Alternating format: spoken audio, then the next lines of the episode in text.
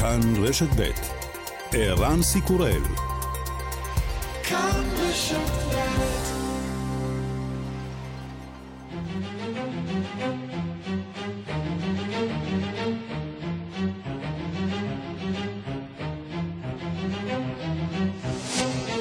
השעה הבינלאומית 1 במאי 2022 והיום בעולם.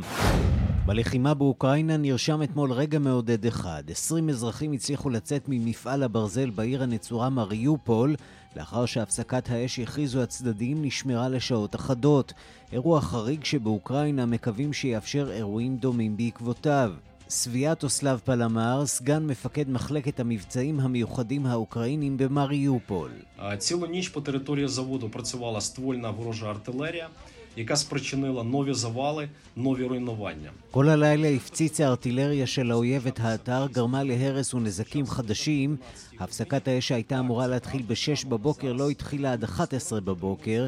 מאז זאת האמת, שני הצדדים כיבדו את משטר הפסקת האש. שיירת הפינוי שציפינו לה ב-6 בבוקר הגיעה רק ב-6.25 בערב.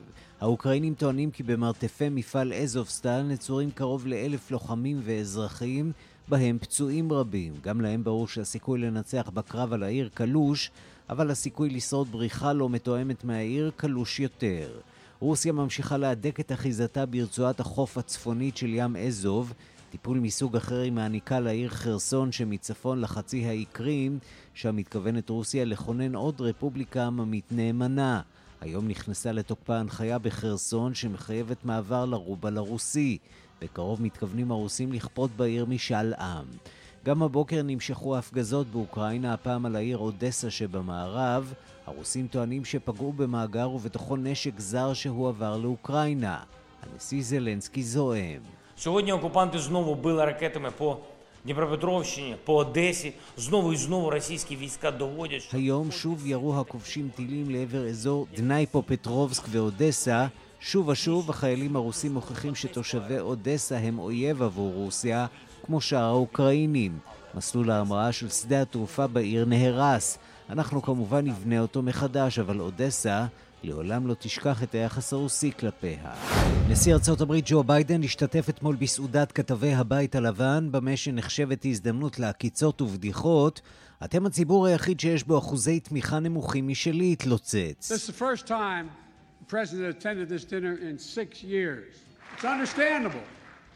We had a horrible plague, followed by two years of COVID.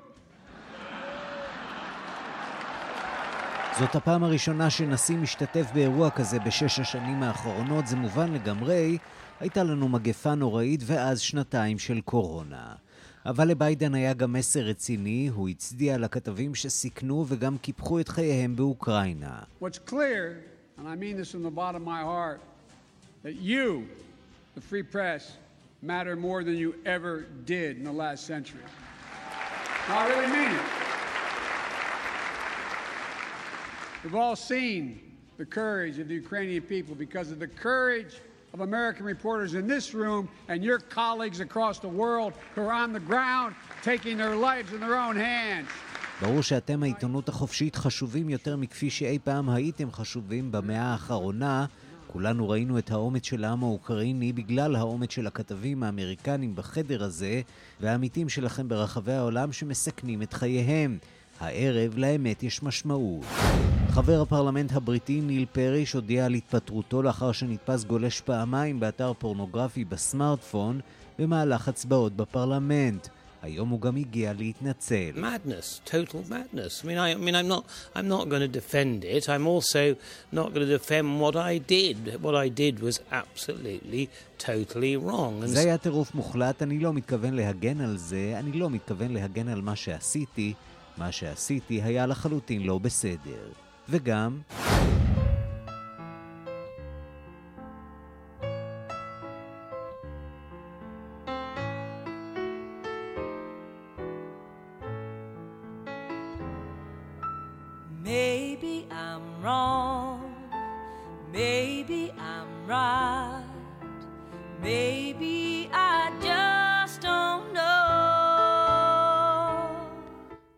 לפני שהייתה אמורה להיכנס להיכל התהילה של הקאנטרי, הלכה לעולמה זוכת הגרמי, הזמרת נעמי ג'וד והיא בת 76. בשנים האחרונות סבלה מדיכאון עמוק שעלה בחייה. נסיבות המוות המדויקות לא נמסרו לפרסום.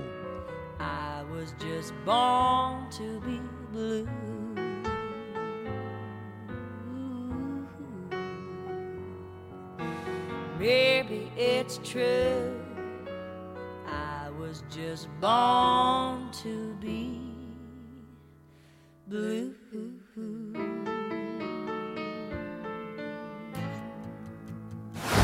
השעה הבינלאומית שעורך זאב שניידר, מפיקה אורית שולץ, בביצוע הטכני חיים זקן ושמעון דוקרקר, אני רנסי קורל, אנחנו מתחילים.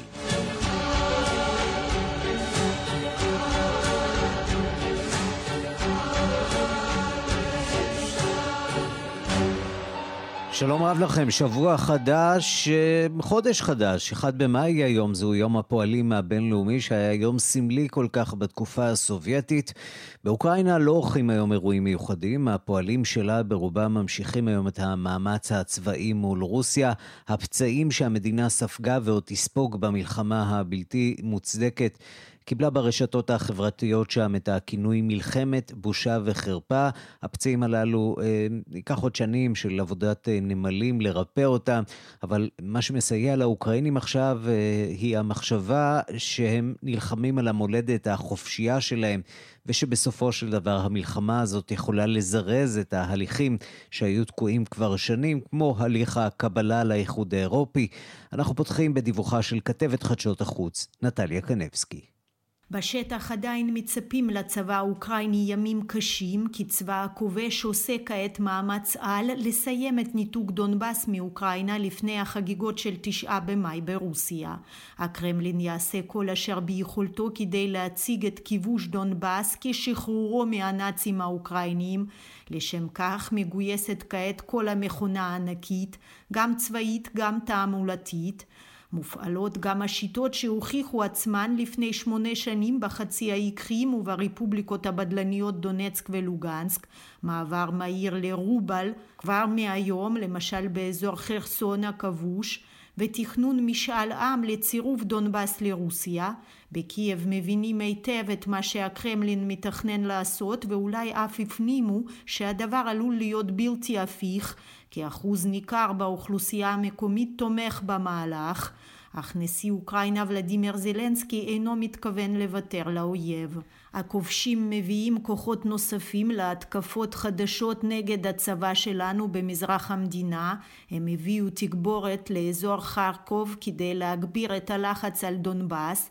הם איבדו כבר יותר מ-23 אלף חיילים במלחמה חסרת התכלית הזאת, אך הם אינם עוצרים, אמר אתמול זלנסקי, ופנה שוב אל ליבם של החיילים הרוסים. российское командование прекрасно понимает, что еще тысячи российских солдат будут убиты и тысячи будут ранены в ближайшие недели. Но зачем это самим российским солдатам? הפיקוד הרוסי יודע היטב שאלפים נוספים של חיילים יהרגו בשבועות הקרובים, אך למה החיילים הרוסים צריכים זאת? למה משפחותיהם צריכות זאת? המפקדים שלהם משקרים להם כשאומרים שהם צפויים לעונשים חמורים אם יסרבו להילחם, והם אינם אומרים להם שהם מכינים עוד ועוד מקררים לאחסון גופות. זילנסקי הדגיש שהמלחמה הזאת כבר החלישה את רוסיה עד כדי כך שמוסקבה חייבת לצמצם את מספר יחידות רכב משוריין וטנקים שהשתתפו במצעד הצבאי של תשעה במאי במוסקבה. אוקראינה משתפת פעולה עם שותפיה הבינלאומיים כדי להחמיר עוד את העיצומים נגד רוסיה על מריופול, על כל הערים האוקראיניות שנחרבו, הוסיף הנשיא האוקראיני. ובמריופול שנהרסה כמעט כליל ונפלה לידי הרוסים לאחר יותר מחודשיים של קרבות עזים, נמשך אתמול המאמץ לפינוי אזרחים מהמפעל הנצור אזובסטל. סווטסלב פלמר, סגן מפקד יחידת עזוב שניהלה את הקרבות מהמפעל הנצור, בישר אתמול בערוץ טלגרם של היחידה על התקדמות הפינוי. העברנו עשרים אזרחים למקום שעליו הוסכם, נשים וילדים. אנו מקווים שהאנשים האלה יובאו למקום שעליו הוסכם, לעיר זפרוז'יה, לשטח שבשליטת אוקראינה. Станом на зараз проводиться далі спеціальна рятувальна операція силами військовослужбовців полку Азов, де ми з під завалів тросами дістаємо цивільних людей. נכון לעת הזאת, כוחות יחידת עזוב ממשיכים את מבצע הפינוי. אנו מוציאים את האזרחים בעזרת חבלים, נשים, ילדים, מבוגרים. אנו מקווים שההליך הזה יימשך ונוכל לפנות את כולם. יש במקום הרבה פצועים, הם זקוקים לסיוע רפואי ואיננו יודעים למה הם אינם מפונים. דבריו של סגן מפקד יחידת עזוב. בקייב חוששים עוד שהמטרה הנוספת של צבא הכובש היא לשים יד על מאגרי הדגנים באזורים הכבושים.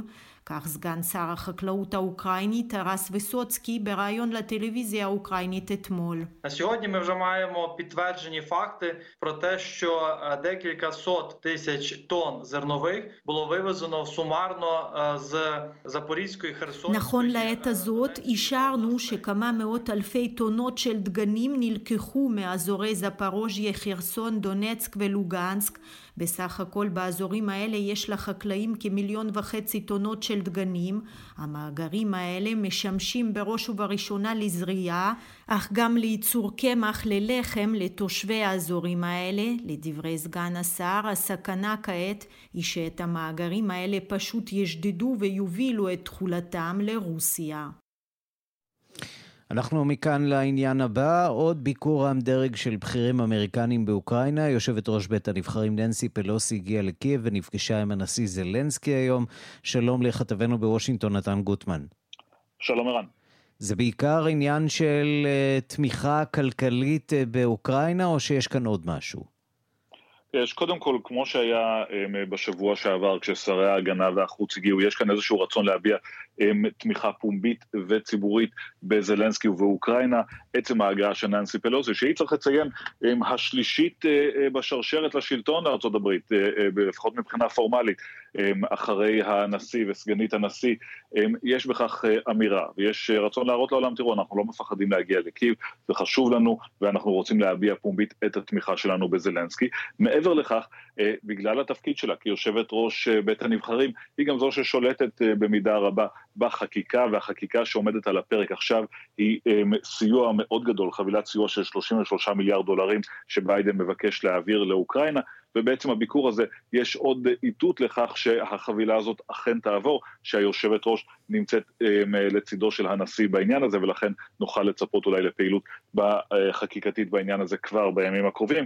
הנה דברים שהיא אמרה במהלך הפגישה שלה עם זלנסקי בקייב. We believe that we are visiting you to say thank you for your fight for freedom, that we are on a frontier of freedom, and that your fight is a fight for everyone. And so our commitment is to be there for you until the fight is done. כן, אנחנו באנו לפה כדי לומר לך תודה על המלחמה שלך לחירות, מלחמה על חירות של כולנו, אנחנו פה כדי להגיד לך שאנחנו נהיה לצדך עד שהמלחמה הזאת תוכרע, אומרת פלוסי לזלנסקי, בהחלט מילות עידוד של אחת הנשים רבות העוצמה ביותר בפוליטיקה האמריקנית. תגיד, עד כמה יש קונצנזוס בקונגרס האמריקני שאת הסיוע הזה צריך להגיש לאוקראינה? בכל זאת, אנחנו כבר מדברים על כסף גדול. וכבר זמן מה שהאמריקנים מעבירים כסף גדול, זה קצת בור ללא תחתית הסיפור הזה של אוקראינה. כן ולא, בשלב הזה יש קונסנזוס בין מפלגתי, ברור שיש בשוליים כאלה שמתנגדים, או לפחות מתנגדים לפרטים מסוימים מתוך חבילת הסיוע הזאת, אבל יש הסכמה רחבה, יותר מאשר על כל נושא אחר, בין שתי המפלגות לגבי הצורך להעביר את סכומי הכסף העצומים האלה לאוקראינה. במידה רבה בגלל שזה מאחד אינטרסים של רבים, גם את הרצון הזה לעזור לאוקראינה נוכח המתקפה הרוסית, גם את הרצון לשמור על סדר עולמי, ובעיקר ההבנה הזאת של חברי הקונגרס וגם של הציבור האמריקני, שבזכות הכסף הזה בעצם ארצות הברית קונה לעצמה את הזכות או את האפשרות שלא לשלוח חיילים לזירה, וככל ש... יאשרו יותר כסף ויעבירו יותר ציוד צבאי לזלנסקי ולאוקראינים, כך מתרחקת האפשרות שתהיה קריאה או יהיה צורך או תהיה דרישה להתערבות צבאית של אמריקה ממש בשטח, כך שלא נעים להגיד, אבל זה פשוט כסף תמורת זה שהחיילים לא יצטרכו לצאת לשם. הנשיא ביידן מחדש הלילה מסורת שנזנחה בשנים האחרונות, הופעה בארוחת הערב השנתית של ארגון כתבי הבית הלבן. זאת אמורה להיות הזדמנות של הנשיא להפגין את הכישורים הקומיים שלו, אז איך ביידן הצליח במשימה הזאת? הוא לא, הוא לא הולך לקבל late אה, night אה, אה, תוכנית בידור אחרי סביר מינוס. בבית הלבן, אבל הוא עשה עבודה בסדר גמור אה, אה, בהופעה. שם ראינו נשיאים מצחיקים יותר, אבל בעיקר מה שלא ראינו בשנים האחרונות זה נשיאים בכלל באירוע הזה, אה, כי בתקופת דונלד טראמפ, איגוד, נשיא, איגוד כתבי הבית הלבן, החליט שלא להזמין את הנשיא, בגלל שהנשיא עסק בהסתה נגד התקשורת, ולכן לא ראינו את הנשיא שם, אחר כך כמובן הייתה הקורונה, וביידן בא ונתן הופעה, אה, כמובן צריך להזכיר, אה, מישהו כותב לו את הטקסטים האלה, הופעה בסך הכל אה, שהציגה אותו גם כמי שיש לו את היכולת לצחוק קצת על עצמו ולעקוץ את האחרים, וכל זה בלי להרגיז יותר מדי אף אחד. אולי נשמע קטע מהדברים, קודם כל, כמובן, איך אפשר בלי התייחסות לקודמו דונלד טראמפ. This is the first time the president attended this dinner in six years. It's understandable. We had a horrible plague, followed by two years of COVID. Just imagine if my predecessor came to this dinner this year. Now that would really have been a real coup if that occurred. I'm really excited to be here tonight with the only group of Americans with a lower approval rating than I have. Okay. Laura. כן, לא רע, רק נתרגם קטע מהדברים, הוא אומר, לא היה כאן נשיא שש שנים, וזה די מובן, היו לנו ארבע שנים של מגפה, ואחר כך עוד שנתיים של קורונה, כמובן עקיצה לכיוונו של קודמו דונלד טראמפ, הוא גם קצת צוחק על עצמו, אומר שהוא שמח להיות, לדבר מול הקהל היחיד בארצות הברית שיש לו שיעורי תמיכה נמוכים יותר מאשר לביידן עצמו כמובן. כאשר נשאלים, נשאל הציבור האמריקני על שיעורי התמיכה בנשיא, בשיעורי התמיכה בכלל, הם מדרגים את הנשיא בצורה נמוכה, אבל עוד פחות מכך את האמון שלהם בעיתונות, וביידן גם ניצל את האפשרות, את ההזדמנות, כמו שמקובל באירועים האלה, קצת גם לעקוץ את העיתונאים, הנה קטע נוסף. Seem to support one fella, some guy named Brandon. He's having a really good year, and I'm kind of happy for him. I know there, I know there are questions about whether we should gather here tonight because of COVID. Well, we're here to show the country that we're getting through this pandemic. Plus, everyone had to prove they were fully vaccinated and boosted. So if you're at home watching this and you're wondering how to do that, just contact your favorite Fox News reporter. They're all here, vaccinated and boosted. All of them. I'm not really here to roast the GOP. That's not my style. Besides, there's nothing I can say about the GOP that Kevin McCarthy hasn't already put on tape. כן, אז רק הקטע על, נסביר את הקטע על כתבי פוקס ניוז, אומר הנשיא ביידן בהתייחסו לרשת, לרשת החדשות שמזוהה עם תמיכה בשמרנים וברפובליקנים ובהתנגדות לחיסונים, הוא אומר, אני שמח להיות כאן באירוע שבו כולם מחוסנים, ואם אתם בבית חושבים איך צריך להתחסן, פשוט תסתכלו אל כתבי רשת פוקס ניוז, כולם נמצאים כאן, כולם מחוסנים וכולם קיבלו זריקות תחת, כי um, זה היה התנאי להשתתף באירוע הזה. אגב, יש uh, שמתחו ביקורת, בכל זאת, למרות שאנחנו נמצאים בשלב טוב יחסית במאבק uh, במגפה, מתחו ביקורת על כך שמתקיים האירוע הזה, שבו כמה אלפי אנשים צפופים בתוך uh, אולם אחד, בלי מסכות, למרות שהם נבדקו בכניסה ולמרות שכולם חייבים להיות מחוסנים. דוקטור אנטוני פאוצ'י למשל, שהוזמן לאירוע, בחר שלא להגיע. כן, וביידן אה, גם הקדיש אה, רגע אה, לעיתונאים שנהרגו בקרבות באוקראינה, ובכלל דיבר על חשיבות המקצוע הזה בתקופה הקשה והמיוחדת הזו. הוא הזכיר עשרה עיתונאים שונים שמתו באוקראינה בקרבות, ואמר, המציאות שלנו איננה תוכנית ריאליטי. ולעיתונות יש תפקיד חשוב, בהחלט אמירה חשובה שמגיעה מנשיא ארצות הברית, שונה כל כך מזו ששמענו מהנשיא הקודם. נתן גוטמן, כתבנו בוושינגטון, תודה. תודה רבה.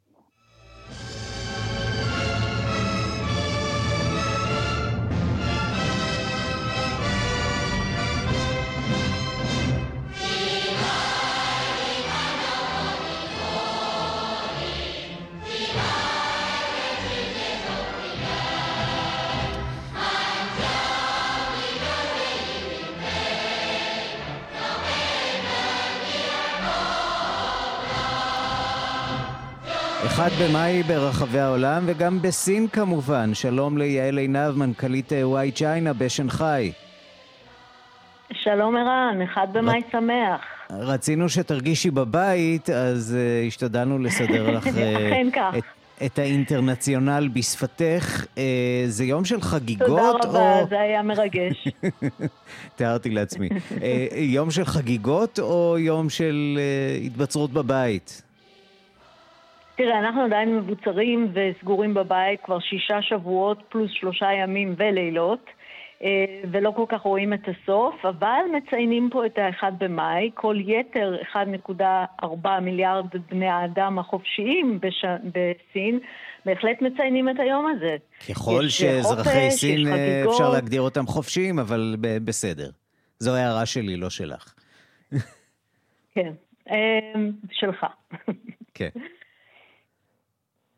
אה, אז, אז אה, בסך הכל חוגגים, רק שהסגרים נמשכים, הסגרים הם, אה, הסגר בשנגחאי הוא סגר מוחלט, כן? כאמור שישה שבועות ושלושה ימים, אבל בבייג'ין מתחילים לסגור אזורים שלמים, אם כי מאוד נזהרים מלהכריז שם על סגר כללי, והוא כנראה לא יגיע, ולו רק כדי לא לחשוף את התמונה הזאת גם בבייג'ין. אבל סך הכל אומרים שיש 37 ערים כרגע ברמה כזאת או אחרת בסגר, שזה אומר לפחות 150 מיליון בני אדם. לא פשוט. אה, אה, איך מחזיקים מעמד אה, כמעט שבעה שבועות לתוך סגר שהוא לא דומה לסגרים שחווינו כאן בארץ? זה נשמע נורא כבר אחרי שבועיים, אחרי שלושה, אבל כמעט חודשיים בתוך הסיפור הזה. החיים מתקדמים. זה נכון, זה אתה כבר... הייתי אומרת שאתה מתרגל, אבל זה לא ממש מדויק.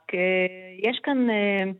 רמות, רמת סגר היא אחידה, זאת אומרת אין אה, כמו בארץ, אתה יודע, כל מיני סוגי סגר ודברים כאלה, הכל אחיד. זה כולם סגורים וסגורים בבתים, יש כאלה שיכולים להסתובב בתוך ה compound, בתוך המתחם מגורים שלהם, ויש כאלה שנעולים לגמרי בבתים. לאלה שנעולים בבתים, אני אומרת, זה מצב קשה ביותר. זה, זה באמת כבר הופך לכמעט לא אנושי. לכבוד האחד במאי יש כאן איזה דיבור, כבר אי אפשר לדעת, אבל uh, דיבור על זה שהולכים לפתוח אזורים שלמים, כשאומרים לפתוח את אזורים זה לא אומר לשחרר אותם uh, לחופשי, זה אומר uh, שהם יוכלו להסתובב נניח בתוך המתחם מגורים שלהם, או שיוכלו להסתובב בתוך השכונה שלהם, יש ברי המזל, יוכלו לצאת לשעה שלמה במשך. יומיים כל שבוע, אה, במשך יומיים כל שבוע, לשעה שלמה, לעשות קניות. זה המקסימום שאליו אנחנו יכולים לשאוף אה, בחג הזה. מצד שני, הנרטיב הממשלתי ממש לא משתנה, זאת אומרת, עדיין מדברים על אפס אה, קורונה, מתייחסים אליה, כרגע קוראים לזה אפס קורונה חברתית, אנחנו עדיין מנסים להבין מה זה אומר. אבל uh, הנרטיב כולו לא משתנה. אומרים, אנחנו בעצם דואגים לכם, אנחנו דואגים שאתם לא תאכלו, אנחנו דואגים uh, שלא יהיו מספרים גדולים, שאי אפשר יהיה לעמוד בהם, שהבתי חולים שלנו לא יעמדו בהם, uh, ולכן בעצם זה לא שאנחנו סוגרים אתכם, זה אנחנו מגינים עליכם. בואי נגיד כמה מילים בכל זאת על אחד במאי בסין. סין היום לכאורה קומוניסטית, אבל בעצם קפיטליסטית מאוד. איך זה מתיישב עם uh, חגיגות uh, והסמלים של אחד במאי? זה, הרי הסינים קוראים לשיטה שלהם כבר הרבה זמן סוציאליזם עם מאפיינים סינים. אז המאפיינים הסינים הם בעצם אה, די קפיטליסטים. ואין כמו שנגחאי לציין את ה... אה, אתה יודע, את האקסטרים של הקפיטליזם. אה, באמת, עיר שהיא כולה גם עיר מאוד נהנתנית מבחינת הפסיליטיס שלה והכול, גם מבחינת העשירים שבה, גם מבחינת החברות הגדולות, גם מבחינת המשכורות, גם מבחינת עלויות המחיה. מאוד מאוד קפיטליסטית, והיא כרגע באמת סגורה. ומסוגרת שישה שבועות, אתה יכול לתאר לעצמך מה זה עושה פה לכלכלה, מה זה עושה פה לאווירת ההשקעות, מה זה עושה פה לחברות הזרות, לחברות המקומיות, וכל זה איכשהו אה, נכנס לתוך איזושהי אווירה כללית של מדיניות ש... סין אה, מדברת אליה וההנהגה מדברת אליה וחוזרת ומדברת אליה על מדיניות של שוויוניות. זאת אומרת, המדיניות ששי ג'ינפינג חרט על, דגלה, על דגלו זה בעצם להחזיר את סין למקום שבו אין פערים כל כך גדולים אה, כמו בין העשירים לעניים, כי הפערים פה באמת מושווים לפערים כמו בין אפריקה לארצות הברית, זאת אומרת בין עניים אהמ. ועשירים כאן. אלא להחזיר את, אה, את סין למקום יותר שוויוני. ויש כאלה שרואים את ה... נקרא לזה דיכוי שנגחאי בזמנים האלה, אה, באופן אה, מלא קשור למדיניות הזאת. שנגחאי תמיד הייתה אה, עצמאית, היא תמיד בעצם הייתה חופשית יחסית מבייג'ין ומההנחיות של בייג'ין בתמורה למיסים המאוד גבוהים שהיא משלמת, בגלל הפריחה הכלכלית. ויש איזו תחושה שאף אחד בבייג'ין לא, לא אה, מאוכזב מזה שקצת הורידו לשנגחאי את הגאווה והורידו לשנגחאי קצת את הראש והחזירו אותה למימדים הטבעיים והשוו אותה אה, קצת יותר לשאר ערי המדינה. כנראה שכל מדינה צריכה ירושלים ותל אביב, אנשי ההר ואנשי השפלה, כדי אה, כן, לייצר סוג של דינמיקה מאוזנת אה, בתוך המדינה. יעל עינב, וואי צ'יינה בשנגחאי, תשמרו על עצמכם שם בתוך הסגר הזה, תשתדלו לראות כמה שיותר אור אה, שמש ויום. זה, זה די מדאיג הסיפור הזה כשהוא הולך ומתמשך לו. תודה. בהחלט, תודה רבה. השעה הבינלאומית, ארבעה ימים לפני הבחירות המקומיות שהתקיימו בבריטניה ביום חמישי, וחבר הפרלמנט מטעם השמרנים, ניל פריש, נאלץ להתפטר, לאחר שנתפס בעודו צופה בפורנוגרפיה בבית הנבחרים עצמו, במה שנראה כמכה נוספת לתדמיתה של מפלגת השלטון בראשותו של בוריס ג'ונסון. דיווחו של כתבנו עידו סואן, כתבנו בלונדון שנמצא עכשיו בישראל. ארבעה ימים לפני הבחירות המקומיות שהתקיימו בבריטניה ביום חמישי, מאיימת פרשה חדשה על תדמיתה של מפלגת השמרנים, שספגה מהלומה קשה בשל הסתבכויותיו של בוריס ג'ונסון ופרשיית המסיבות במהלך הסגר. הנה ראיון שקיים פאריש עם כתב ה-BBC אתמול. The uh, situation was that, um, I, uh, enough, it was tractors I was looking at, and um, so I did get into another website um, that had a sort of very similar name, and I watched it for a bit, which I shouldn't have done.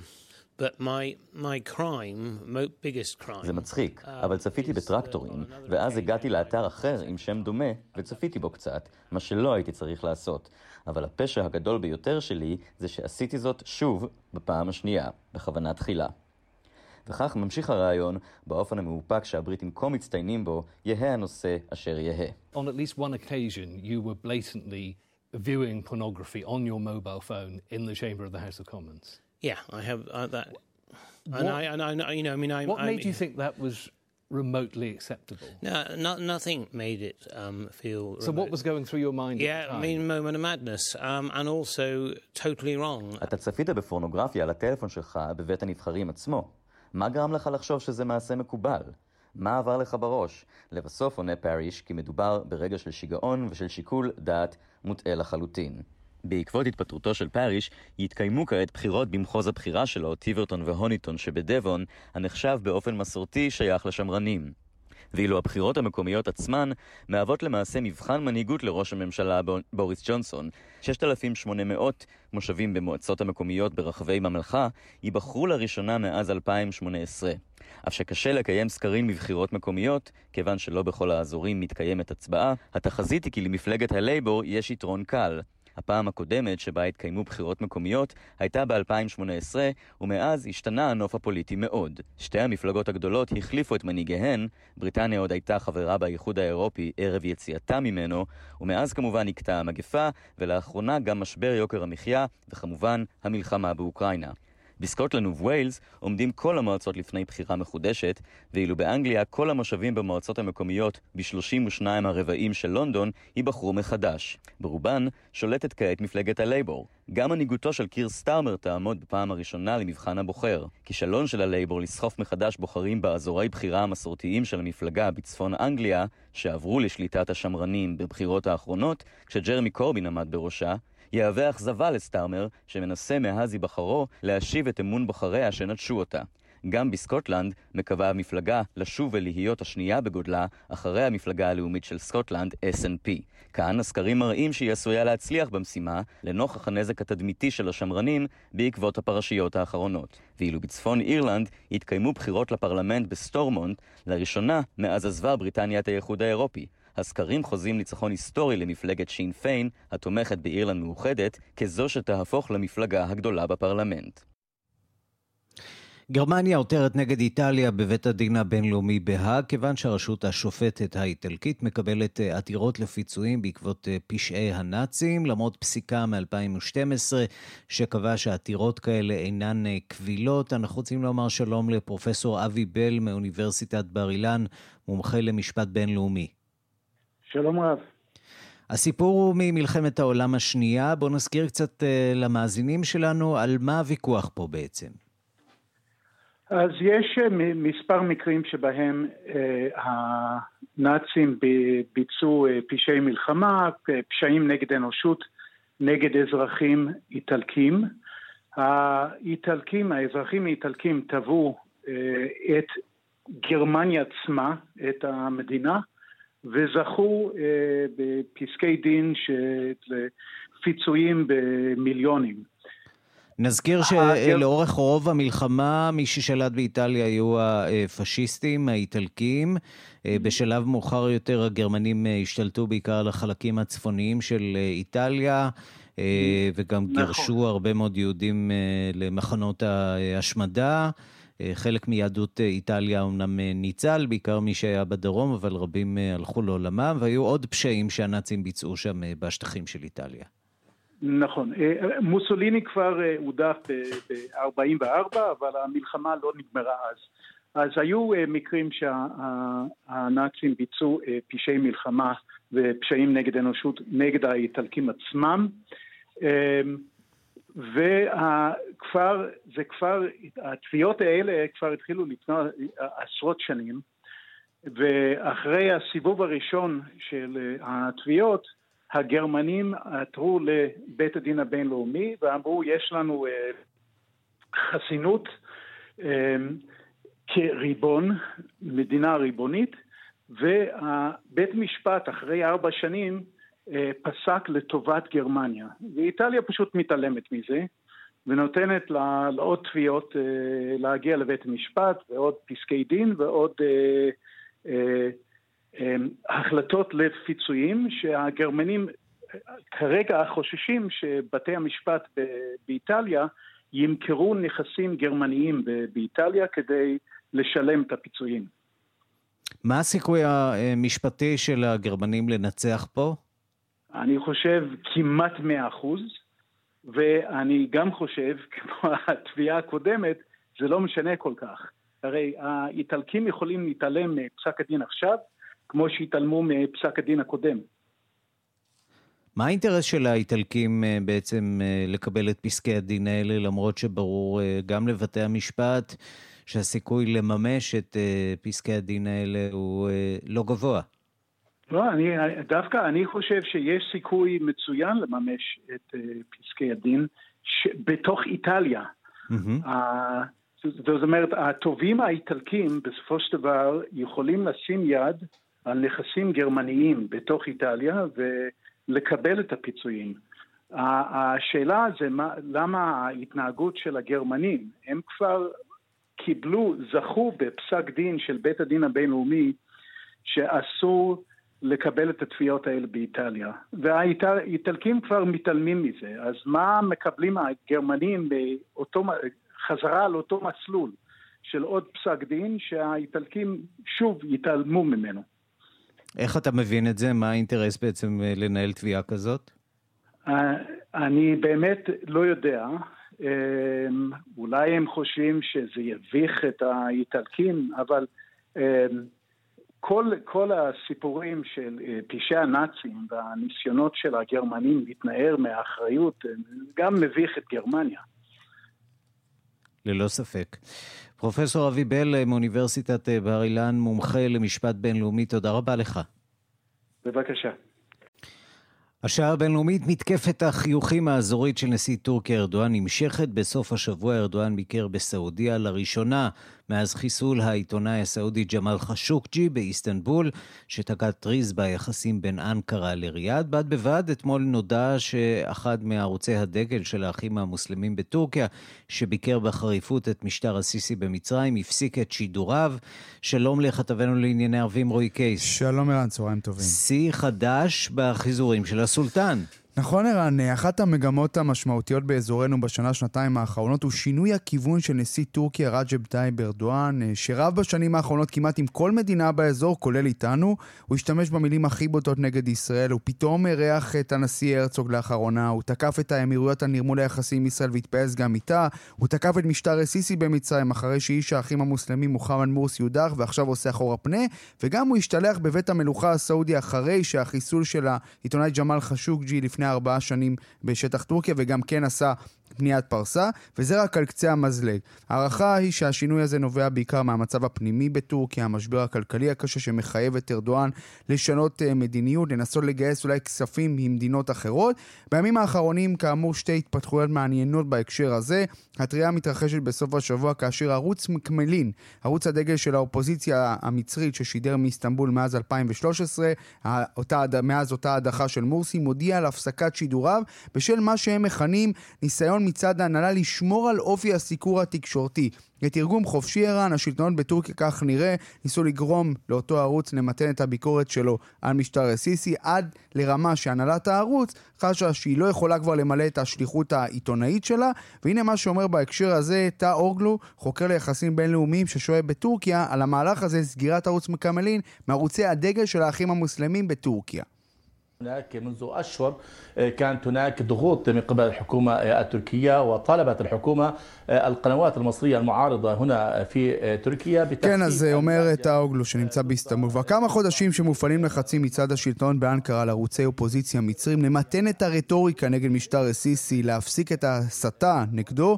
מה שמעניין, אומר החוקר, שההחלטה הזאת נודעה שעות אחרי תחילת הביקור של ארדואן בסעודיה, ואחרי דבריו של נשיא טורקיה שקצב המגעים בין מצרים לבין טורקיה יצבור תאוצה בימים הקרובים. כלומר, נראה שמדובר בעוד צעד בונה אמון מצידו של ארדואן שמכוון לסיסי, לארמון הנשיאות במצרים. בחודשים האחרונים אה, החלו שיחות בין מצרים לטורקיה אחרי קיפאון ארוך, ונראה שהצד הטורקי הוא היותר נלהב לחדש את היחסים. במקביל הערוץ הסעודי אל-חדאס דיווח ביממה האחרונה על צעדים שנוקטים השלטונות באנקרה כדי להצר את צעדיהם של פעילים המזוהים עם האחים המוסלמים בטורקיה, כמו אי חידוש האשרות השהייה שלהם, עשרות, אה, אותם, עשרות מאותם פעילים נטען מוכרים את הנכסים שלהם, מתכוננים לעבור לאירופה בגלל הצעדים שנוקטים השלטונות באנקרה, וזה מצטרף גם כן לדיווח של העיתון אל-עכבר המזוהה עם חיזבאללה משבוע, מהשבוע שעבר, שלפיו טורקיה העבירה מסרים לארגון חמאס, ארגון בת של האחים המוסלמים, שהיא לא תאפשר יותר כניסה של פעילים שמזוהים עם הפעילות הצבאית של הארגון, ופה צריך לדבר גם על ההתפתחות השנייה והמשמעותית, הביקור של ארדואן בסעודיה, ביקור שהחל ביום חמישי האחרון בעיר ג'דה, מערב הממלכה, תמונות שצריך לומר, היינו מתקשים לדמיין עד לא מזמן חיבוקים ונישוקים ממלך סעודיה, אה, סלמן בן עבד אל-עזיז, ולא פחות חשוב, אם לא יותר חשוב, עם יורש היצר הסעודי מוחמד בן סלמן, אותו אחד שעמד במוקד המשבר ביחסים בין המדינות, המשבר שהחל בעקבות החיסול של העיתונאי ג'מאל חשוקג'י בקונסוליה באיסטנבול ב-2018, חיסול שלפי המודיעין האמריקני בן סלמן הורה עליו בניסיון להשתיק את הביקורת נגדו. ארדואן אז ניצל את הסיפור כדי להשתלח בסעודיה, לנסות לפגוע בתלמיד שלה. לפני הביקור שלו, טורקיה הודיעה לפתע על הפסקת המשפט של החשודים ברצח חשוקג'י ועל העברת המשפט לסעודיה, לסעודיה עוד צעד בונה אמון. וארדואן ניצל את uh, ביקורו בסעודיה גם כדי לקיים את מצוות העומרה, העלייה לרגל שלא במסגרת עונת החאג'. אבל אחד הדברים המעניינים שעולים ביומיים האחרונים בתקשורת הערבית, הוא איך הביקור הוצג אצל כל אחד מהצדדים. בעוד שארדואן סיפר שהוא קיבל הזמנה מהמלך, בסעודיה הטלוויזיה הממלכתית דיווחה שלמעשה ארדואן הוא זה שביקש מהם לבקר, והם, אם תרצה בשפה קצת פחות uh, יפה, עשו לו סוג של טובה. הנה. وصل الرئيس التركي رجب طيب أردوغان إلى جدة بعد تلبية رغبته في الزيارة כן, זאת השדרנית בטלוויזיה הסעודית הממלכתית שאומר, נשיא טורקיה החל בביקור בג'דה מתוך היענות לרצונו. כלומר, הוא לא ממש קיבל הזמנה חגיגית כמו שתואר בצד הטורקי. אז למרות הדף אה, חדש כביכול שהצדדים מנסים לפתוח, הזיכרון כך נראה לא הולך לשום מקום. אין ספק שגם מדינות האזור, גם אם הן רואות, הן רואות הזדמנות בשינוי, בשינוי הכיוון של ארדואן, מסתכלות עליו בחשדנות מסוימת. אחרי הכל, הן כבר נכוו ממנו לא מעט, וגם אנחנו. כן, זה בהחלט נכון גם uh, אלינו. רועי קייס, כתבנו לענייני ערבים, תודה. תודה. החונטה הצבאית ששולטת בגינאה שבמערב אפריקה מאז ההפיכה הצבאית שם בחודש ספטמבר הודיעה כי תמשיך למשול עוד שלוש שנים לקראת עריכתן של בחירות חופשיות במדינה. הדיווח של עורכת ענייני אפריקה, רינה בסיסט. בשנה שעברה נרשמו באפריקה מספר לא מבוטל של הפיכות צבאיות, או ניסיונות להפיכה צבאית. לארגון הקהילה הכלכלית של מדינות מערב אפריקה נמאס מהמצב הזה. בסוף חודש מרץ הם הזהירו את בורקינה פאסו, את מאלי ואת גינאה, שאם ההנהגה לא תקבע מועד לבחירות חופשיות, המדינה כולה תשלם את המחיר. במילים אחרות, הם הציעו לראשי החונטות חודש כדי להגיע להחלטה מתי הם הולכים בחירות. ולא יפעיל הארגון סנקציות כלכליות נגד אותה המדינה. הדדליין של גינאה נקבע ליום שני לפני שבוע. החונטה ביקשה מהקהילה הכלכלית עוד זמן מעט להתארגן כדי להגיע להחלטה בקונצנזוס. ואתמול יצא מנהיג החונטה, כלומר ראש ממשלת המעבר, בהכרזה מרגיעה, או יותר נכון בהכרזה מרגיעה חלקית. De toutes les consultations engagées à tous les niveaux depuis le début de la transition, avec toutes les composantes de la nation, auprès de tous les Guinéens partout où ils se trouvent, il ressort מאז תחילת המעבר קיימנו התייעצויות בכל הרמות עם כל הגורמים שמרכיבים את האומה, כל אזרחי גינאה, איפה שהם לא נמצאים. ומתוך ההתייעצויות האלה עלתה הצעה מוסכמת לגבי תקופת שלטון המעבר, תקופה של 39 חודשים. כך הודיע כאמור ראש ממשלת המעבר, ממדי דומבויה. שלוש שנים הם זמן ארוך, בעיקר בהתחשב בעובדה שהחונטה הפילה את הנשיא הקודם, אלפה קונדה, בחודש ספטמבר 2021, כלומר לפני שמונה חודשים. האופוזיציה בגינאה חוששת, הכל יכול לקרות ב-39 חודשים. גינאה היא מדינה ענייה מאוד, למרות שיש לה אוצרות טבע עצומים, ברזל, בוקסית, יהלומים ועוד ועוד. שתי סיבות עיקריות הביאו להפלתו של הנשיא אלפה קונדה, הפרות קשות של זכויות אדם ושחיתות בקנה מידה עצום. השחיתות ארוכת השנים הזו קשורה בעיקר לניהול המחצבים של הברזל והבוקסית. כשאלפה קונדה שינה את החוקה כדי שיוכל להיבחר בפעם השלישית, הצבא החליט לעצור אותו. על רקע מגיפת השחיתות של גינאה ועל רקע העוני המתגבר, לא פלא שהחונטה עסקה ועוסקת קודם כל בנושא המחצבים. עבור הקולונל דומבויה, המאבק בשחיתות הוא הנושא המרכזי שלו. לפני כחודש החונטה הצליחה לחתום עם חברות פרטיות על הסכם חדש לניהול אחד ממחצבי הברזל המרכזיים במדינה. אחר כך, ב-11 באפריל, כינס הקולונל דומבויה את ראשי החברות שמפיקות בוקסית, והודיע להם חד משמעית שכללי המשחק השתנו. יש להם עד סוף חודש מאי כדי להגיש הצעות חדשות לשיתוף פעולה עם הממשלה. Ne pouvons plus continuer à ce jeu de dupes qui perpétue une grande inégalité dans nos relations. Il faut la corriger. אנחנו ואתם, אי אפשר להמשיך במשחק הזה שמנציח את חוסר השוויון ביחסים שלנו. צריך לתקן את זה, וצריך לתקן את זה עכשיו, כך הצהיר דומבויה בלשון ברורה. את החלק הזה של הפעילות שלו, פעילי הדמוקרטיה בגינאה דווקא מאוד מעריכים. כאן רינה בסיסט.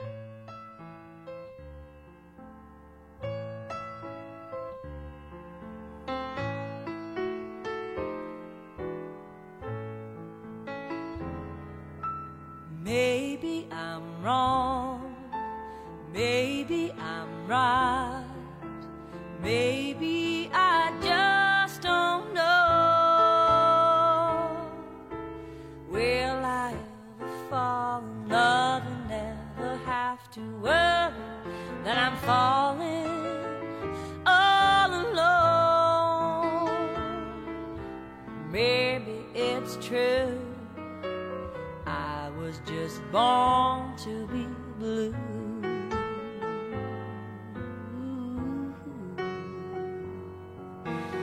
Maybe it's true. I was just born to be blue. יממה לפני שהייתה אמורה להיכנס להיכל התהילה של הקאנטרי, הלכה לעולמה זוכת הגרמי, זמרת הקאנטרי נעמי ג'וד, והיא בת 76. בשנים האחרונות היא סבלה מדיכאון עמוק שעלה אה, ככל הנראה בחייה. נסיבות המוות המדויקות לא נמסרו לפרסום, אבל הן קשורות למצבה הנפשי. The Judes עם Born to be Blue.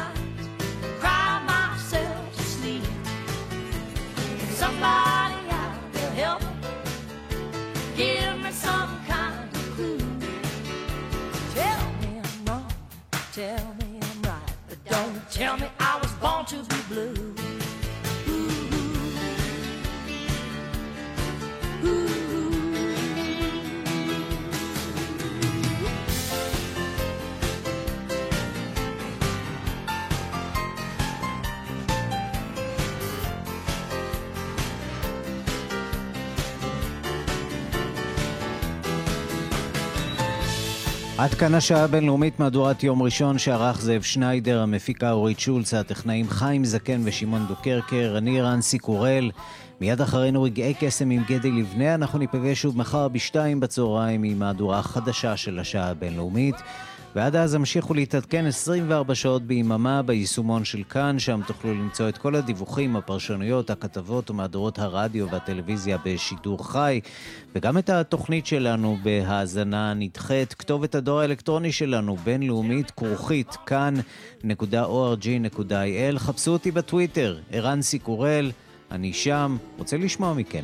להתראות.